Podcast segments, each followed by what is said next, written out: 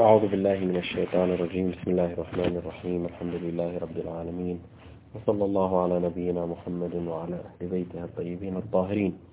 ما زال حديثنا حول أو في المقطع الثاني من سورة الحجرات والمبتدئ بقول الله تعالى بسم الله الرحمن الرحيم. يا أيها الذين أمنوا إن جاءكم فاسق بنبأ فتبينوا أن تصيبوا قوما بجهالة فتصبحوا على ما فعلتم نادمين. وقلنا بأن هذه الآية أو من هذه الآية وما تتلوها من الآيات خمسة آيات بعدها تتحدث عن مبادئ وآداب العلاقات الإسلامية الإسلامية علاقات المسلم مع المسلم علاقات المجتمع الإيماني. وقلنا بأن هذه الآية تتحدث عن الحصانة المعلوماتية وصح التعبير للمجتمع الإسلامي.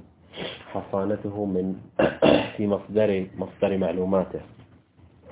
فقرر الله سبحانه وتعالى للمؤمنين بأنه بأن لا تقبلوا أي خبر يأتيكم. لا بد أن تعلموا مصدره.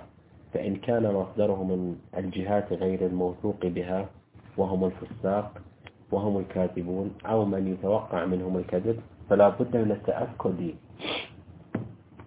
آه، من التأكد من مضمون هذا الخبر. هل هذا المضمون صحيح؟ هل هذا المضمون مطابق للواقع؟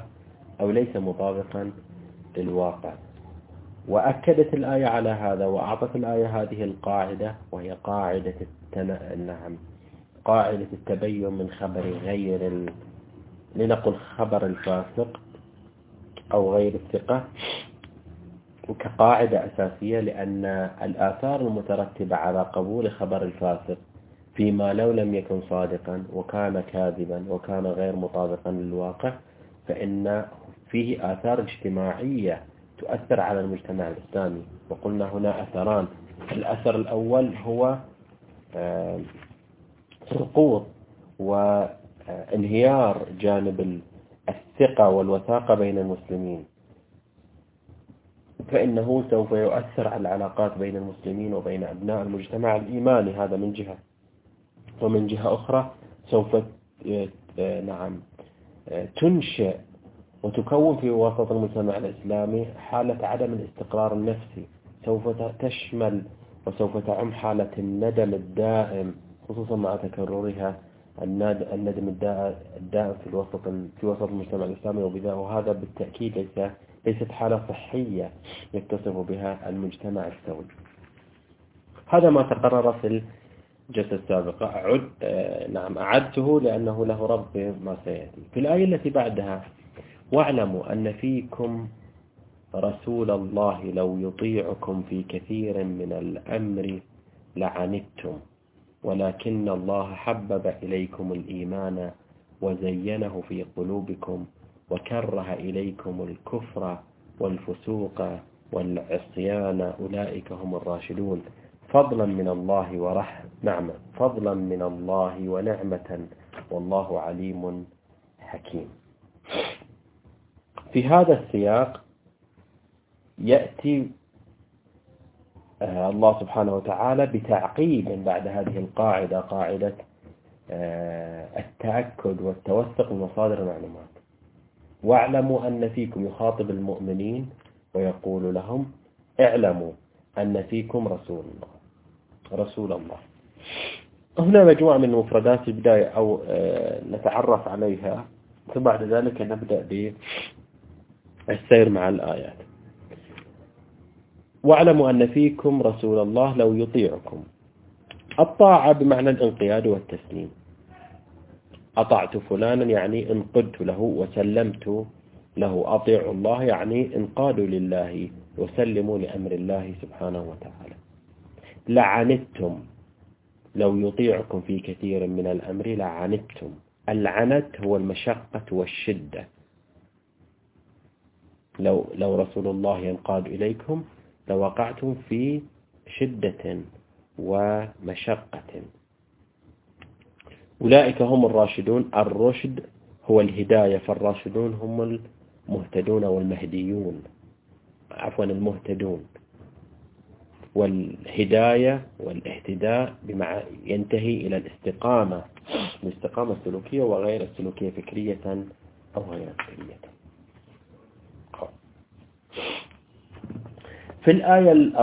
نعم في الآية السادسة قلنا في سبب نزولها أنه عندما جاء الوليد بن عقبة وأخبر رسول الله بأن بني المصطلق قد ارتدوا هنا ثارت ثائرة المجتمع الإسلامي الغيرة الإسلامية طغت على الموقف وعلى المشهد مشهد وأرادوا وضغطوا على رسول الله صلى الله عليه وآله وسلم وقالوا له بال... آه نعم ضغطوا عليه واندفع بعض المسلمين إلى أن يدفع باتجاه أن رسول الله صلى الله عليه وآله يجهز الجيوش ويهجم على بني المصطلق. في هذا السياق يذكرهم الله سبحانه وتعالى بأن هذا الذي أنتم تمارسون عليه الضغط الاجتماعي صح التعبير رسول الله. تذكروا أن قيادتكم بيد رسول الله صلى الله عليه وآله وأنه في أوساطكم. لا ينبغي عليكم أن تقترحوا وأن تقدموا بين يديه اقتراحا في إدارة المجتمع الإسلامي. وبهذا أرجعتنا الآية إلى المقطع الأول والأدب الأول مع القيادة الإلهية. يا أيها الذين آمنوا لا تقدموا بين يدي الله ورسوله. واتقوا الله. كأن هذه الآية تطبيق عملي أو صح التعبير كشف لواقع المجتمع الإسلامي في ضوء ذلك الأدب. أدبكم الله سبحانه وتعالى بأن لا تقدموا بين يدي الله ورسوله وأنكم في هذه الواقعة اقترحتم عليه. فجاء الله سبحانه وتعالى بتذكيرهم واعلموا أن فيكم رسول الله. لو يطيعكم في كثير من الأمر. يذكرهم أن هذا رسول الله وجاء بوصف الرسالة لله على غيره من الأوصاف تذكيرا له بأن تذكيرا لهم بأن هذا الرجل مرتبط بالله. فتذكروا أنه لا يسير إلا مسددا بالله وبوحي الله. فلا تقترحوا عليه. وصلته الحادثة وصله قول الوليد بن عقبة وعلم به. الآن هو كقيادة مسددة يستطيع أن يتخذ الموقف المناسب في هذا السياق. واعلموا تذكير لهم بأن قيادتكم قيادة إلهية. واعلموا أن فيكم في أوساطكم رسول الله. هو تذكير ويذكرهم بالأدب الأول وهو أدب التعاطي مع القيادة الإلهية. لو يطيعكم في كثير من الأمر لعنتم. ربما ربما هذا هذا المقطع يريد أن يشير إلى حقيقة الإنسان وأن الإنسان في كثير من مواقفه مجردا عن أي تسديد إلهي في كثير من مواقفه يقحم نفسه في حالة الشدة والعنة والمشقة. لو يطيعكم رسول الله يطيع طبيعتكم البشرية. لو يطيع آه، تكوينكم ك ك كإنسان لعنتم. لو يطيعكم في كثير من الأمر هذه الأمور التي تمر عليكم لو أطاعكم فيها ومشى بحسب آه، بحسب آه، سجيتكم لوقعتم في العنت. وهذا لا يعني أن النفس الإنسانية خبيثة بطبعها وإنما هذه إشارة إلى حاجتها إلى الوحي والتسديد الإلهيين. لو يطيعكم في كثير من الأمر لعنتم. أنتم في مسيرتكم تحتاجون إلى تسديد إلهي إلى رفض إلهي من خلال الوحي. من خلال رسل الله. وإلا في كثير من الأمور انحرفتم عن جادتكم ومصالحكم. ووقع ولا وقعتم في الشدة والعنة والمشقة. إذا يريد أن يذكرهم في هذا المقطع بأن طبيعتكم البشرية فيها كثير من الأخطاء. تدعوكم إلى ما تريدون إلى ما لا تريدونه. وتقعون فيما لا تحبذونه وهو المشقة والشدة.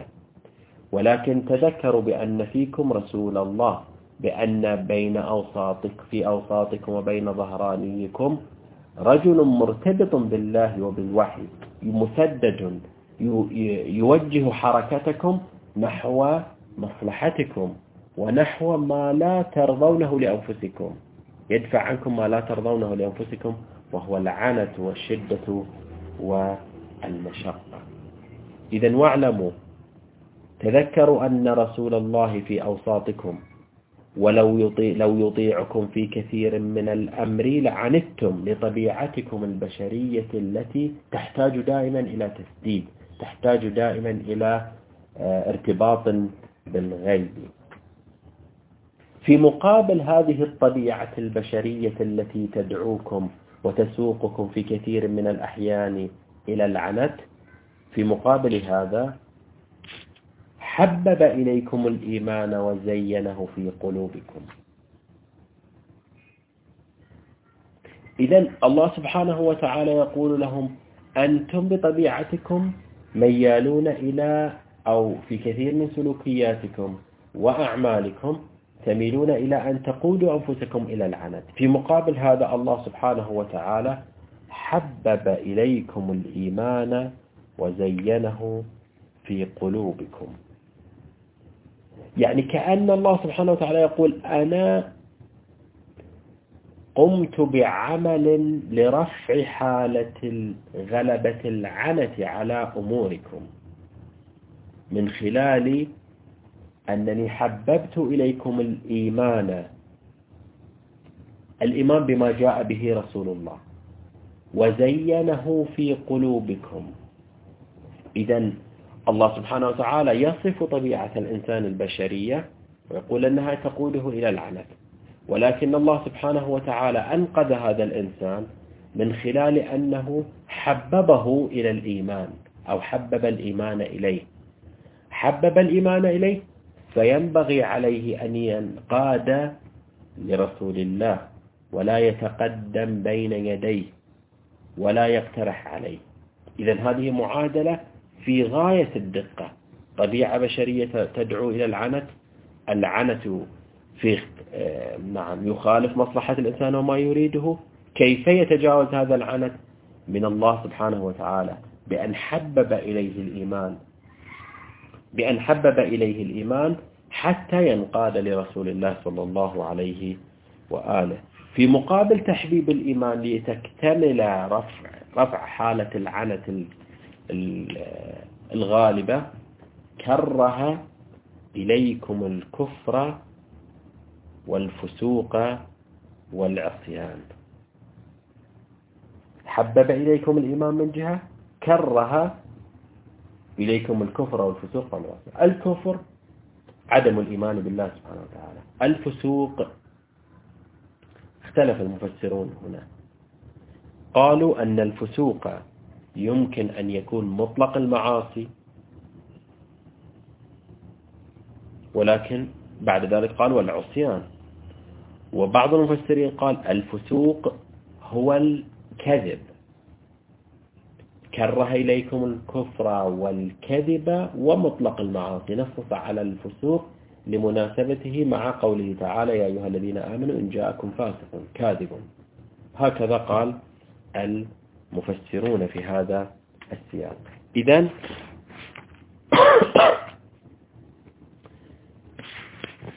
حبب إليكم الإيمان وكره وزينه في قلوبكم وكره إليكم الكفر والفسوق والعصيان. يقول ها أولئك الذين حبب الله إليهم هذه الأمور وكره إليهم هذه الأمور أولئك هم الراشدون. أولئك هم المهتدون السائرون على الطريق المستقيم المسددون. إذا واحدة من سبب الرشد هو الإيمان. حب الإيمان والتفاعل معه وكره الكفر والفسق والعصيان وعدم التفاعل معه. إذا في مقابل هذه الطبيعة الإنسانية غير الراشدة والتي تدعوه إلى العنت حبب إليه الإيمان وزينه في قلبه وكره إليه الكفر والفسوق والعصيان لتصلوا إلى مقام الرشد والهداية. فلا تتقدموا على رسول الله ولا تتقدموا ولا تقدموا بين يديه وتقترحوا عليه في إدارة المجتمع الإسلامي. هذه هي الفكرة الأساسية التي تريد أن توصلها في هذه الآيات الثلاث. وترتبط ارتباطا عضويا وارتباطا هندسيا بالآية الأولى. هنا نقف قليلا. قال أولئك هم الراشدون. انتقل من خطاب الحضور إلى خطاب الغياب. لاحظوا بداية الآية. يا أيها الذين آمنوا يخاطبهم هم في قباله مقابلون له. يا أيها الذين آمنوا إن جاءكم فاسق. واعلموا أنتم أيها الذين خاطبكم في أن فيكم رسول الله. إلى آخره. أولئك هم الراشدون. الآن لماذا عبر بأولئك؟ كأنهم أناس آخرون ليسوا أولئك الذين أو هؤلاء الذين يخاطبهم. المفسرين قال حتى يعمم الله سبحانه وتعالى هذه القاعدة وأن حالة الرشد يمكن أن يصل إليها هؤلاء وغيرهم. فقال أولئك حتى الذين سوف يأتون يمكن أن يصلون أن يصلوا إلى حالة الرشد من خلال هذه المعادلة الإلهية. بعضهم قال أولئك إشارة إلى علو مقامهم. أولئك هم الراشدون. هؤلاء في مقام عال عند الله سبحانه وتعالى والأمر ليس له مزيد أهمية.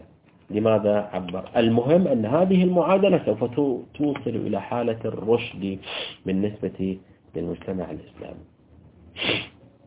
ثم يقول فضلا من الله ونعمة والله عليم حكيم. كل هذا التحبيب وهذا التكريه وهذا بعث الرسول وكل هذه المعادلة وما ذكرناها من ثنايا كلها فضلا من الله سبحانه وتعالى. هذه من أفضال الله سبحانه وتعالى عليكم ونعمة منه. والله عليم حكيم. ما الفرق بين فضلا من الله ونعمة منه؟ هي أمر واحد هي ما يعطيه الله سبحانه وتعالى لعبده. كل ما يعطيه الله سبحانه وتعالى لعبده هو فضل ونعمة. فضل إذا نظرنا إلى الأمر من قبل الله سبحانه وتعالى فهو متفضل على عباده. إذا لاحظنا الأمر من جهة الله فهو غير محتاج لهذا الأمر فهو يتفضل عليهم. أما إذا لاحظنا هذا الأمر من جهة العبد فسيكون نعمة أمر يحتاج إليه. هل أعطي مثال. الله سبحانه وتعالى يرزق شخصا ابنا صالحا. هذا الابن الصالح من جهة الله سبحانه وتعالى تفضل من الله لهذا العبد. ونفس هذا الابن الصالح من جهة العبد هو نعمة من الله لهذا العبد. فضل من الله تفضل من الله سبحانه وتعالى وإعطاء له. ونعمة ما هو من جهة العبد هو ما يحتاج إليه. فهما كما يعبر بعض المفسرين وجهان لعملة واحدة. ولكن ترى ننظر إليها من جهة الله وأخرى من جهة الإنسان والعبد. فضلا كل هذا فضل وعطاء من الله سبحانه وتعالى. فضلا ونعمة. والله عليم حكيم. ربما هذا هذا الذيل وهذا التذيل من الله سبحانه وتعالى بالعلم والحكمة يرتبط بحبب وكره يعني أن الله سبحانه وتعالى عليم بطبعكم. فيحبب ويكره إليكم. ولكن ليس كل شخص يحبب إليه الكفر الإيمان ويكره فيه إليه الكفر والفسوق والعصيان. وهذه معادلة دقيقة جدا. كيف يخرج الإنسان عن كيف يكون الإنسان مختارا من جهة؟ ومن جهة أخرى هو في داخل وضمن طواعية الله سبحانه وتعالى بين الجبر والاختيار. إذا هناك أمور آه، تجعل من الإنسان قابلا لأن يجعل الله أن يحبب الله سبحانه وتعالى إليه الإيمان ويكره فيه إليه الكفر والفسوق والعصيان ولذلك يشير الله سبحانه وتعالى إلى ذلك ويقول والله عليم حكيم عليم بأوضاعكم وطبيعتكم وحكيم حيث يضع كل أمر في موضعه الصحيح. ويتصرف معكم بحسب قابلياتكم بحسب ما آه، هيأته هيأه كل إنسان في نفسه من تقبل عطايا الله سبحانه عطايا الله سبحانه وتعالى. والتعبير حبب لاحظوا حبب إليكم الإيمان كره إليكم الكفر والفسوق والعصيان لماذا عبر الله سبحانه وتعالى حبب؟ لماذا لم يقل لم يقل لم يقل الله سبحانه وتعالى هكذا؟ برهن إليكم أقنعكم بالإيمان وأقنعكم بالترك الكفر والفسوق والعصيان. ربما هذا يقودنا إلى نقطة وهي أن الإيمان أن الإيمان هو سنخ من المحبة. يعني إذا أراد الإنسان أن يصل إلى مستوى الإيمان فينبغي أن يصل إلى مستوى يكون متقبلا لحالة المحبة من الله سبحانه وتعالى. وهذا موضوع واسع جدا. مسألة الحب في الدين. ما المراد من الحب وما هو دور الحب في الحركة الإيمانية؟ لاحظوا هذا التعبير. حبب إليكم الإيمان. لم يقال لم يقل برهن إليكم مثلا فاعلية الإيمان وبرهن إليكم انقيادكم للإيمان وبرهن إليكم فساد فساد الفسوق والكفر والعصيان. وإنما قال حبب وكره والحب والكره كأنه جعل من الله سبحانه وتعالى هو هو عملية تفاعلية. الله سبحانه وتعالى يحبب والله سبحانه وتعالى يكره. فهي ليست من مقولة البرهان والاستدلال وإنما هي من مقولة الجعل والفعل الإلهي. عندما يكون الإنسان قابلا متهيئا لأن يحبب الله سبحانه وتعالى له الإيمان سيحبب له الإيمان. وعندما يكون متهيئا لأن يكره في نفسه أو إليه الكفر والفسوق والعصيان سيكره في نفسه كذا. وهذا يعني أن الإنسان مهما أقيمت له البراهين ليست بالضرورة ستقوده إلى الإيمان وستقوده إلى ترك الكفر والعصيان وال والفسوق. وإنما هناك أمر وطور آخر فوق طور العقل فوق طور البرهان والاستدلال. هو منطق منطق الحب والعشق منطق التهيؤ لتلقي المواهب الإلهية من التحبيب وتكريه الأشياء الفاسدة. إذا يا أيها الذين آمنوا إن جاءكم فاسق بنبأ فتبينوا. قاعدة. اجتماعية في كيفية ضبط الحالة تلقي المعلومات في المجتمع الإسلامي مصادر هذه المعلومات.